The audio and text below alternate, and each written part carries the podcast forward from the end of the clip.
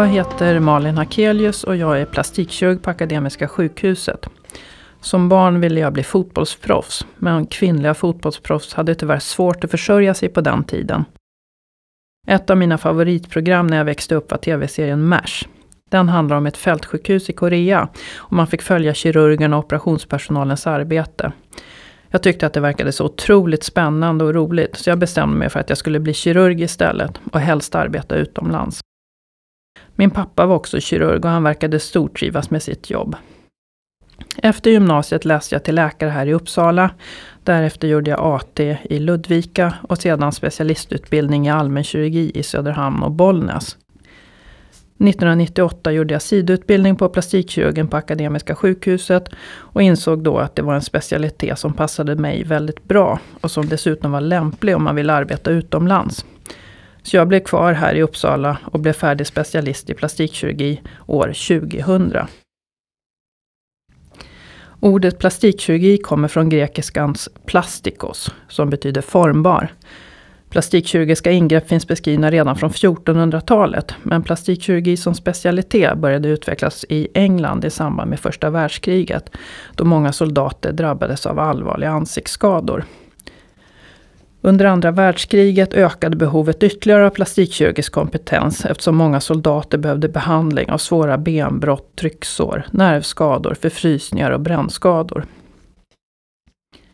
Akademiska sjukhuset har varit ledande inom den plastikkirurgiska utvecklingen sedan 1951, då den första plastikkirurgiska avdelningen inrättades här av professor Tord Skog.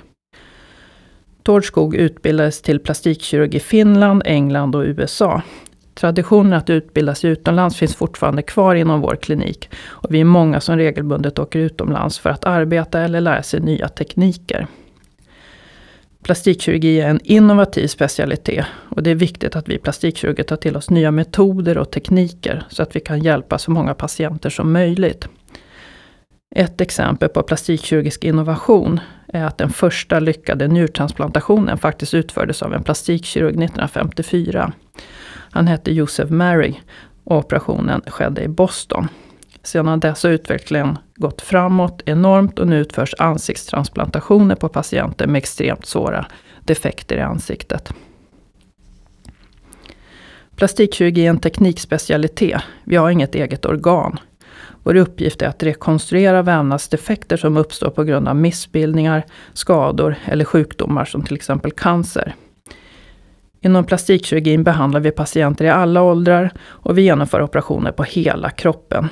Vi har stora kontaktytor gentemot andra specialiteter.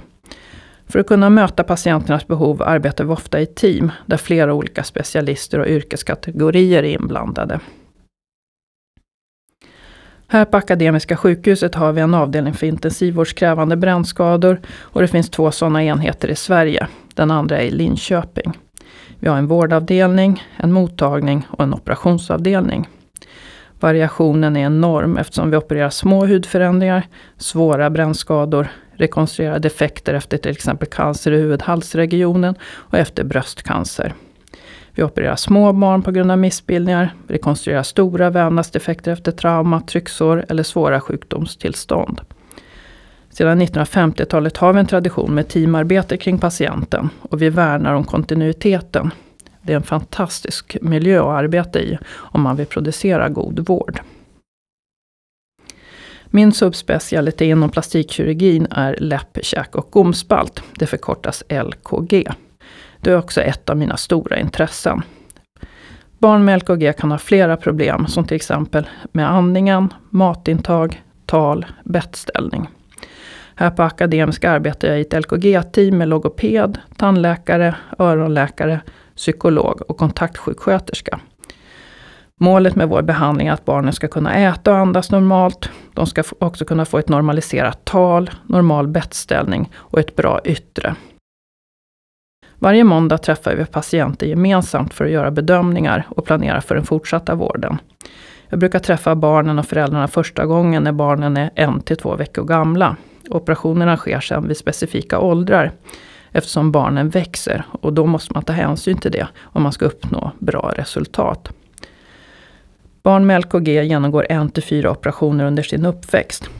Det kan också tillkomma korrigerande operationer. Förutom operationerna träffar patienterna LKG-teamets specialister regelbundet och vi avslutar kontrollerna först när ungdomarna är 19 år, om behandlingen är klar då. Men vi behandlar alla med läppkäk, gomspalt hela livet, om det finns ett sådant behov.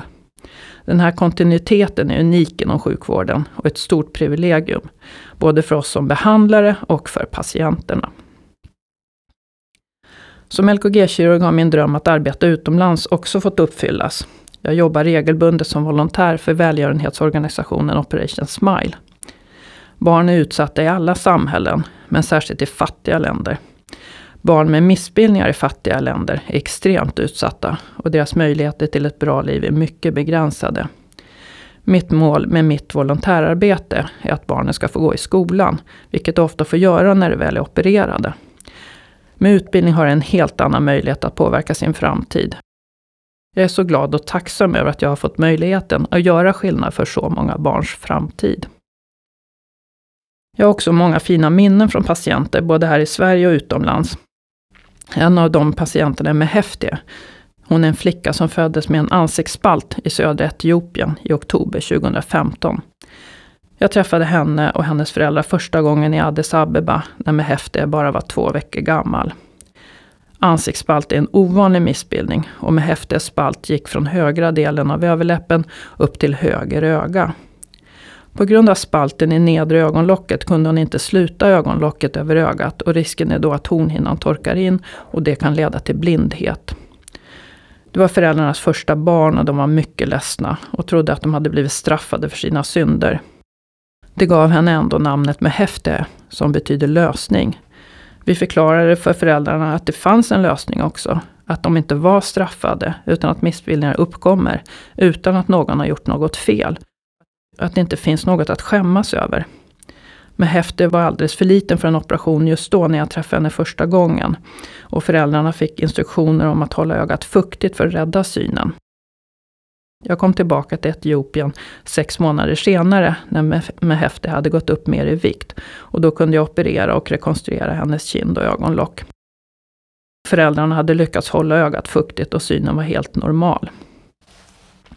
Jag har haft möjligheten att hälsa på med Hefti och hennes familj ett par gånger i staden Gera i södra Etiopien, där familjen bor. De driver en lunchrestaurang där. Föräldrarna är mycket kloka och valde att inte gömma undan med Hefti, vilket är vanligt om att man gör det för att skydda barnen som ser annorlunda ut. Mehefte är nu sex och ett halvt år och hon går i skolan. Mehefte vill bli doktor. Hon är väldigt livlig och har många kompisar. Och nu har hon också fått en lillebror. När jag träffade henne senast hösten 2019 frågade jag vilken typ av doktor hon ville bli. hon svarade att hon ville bli en tjock doktor. Hon är ganska mager flicka nu. Med Häfte behöver genomgå ytterligare en operation som är lite större. Hon behöver ben till höger kind och ögonhåla eftersom det finns en bendefekt där.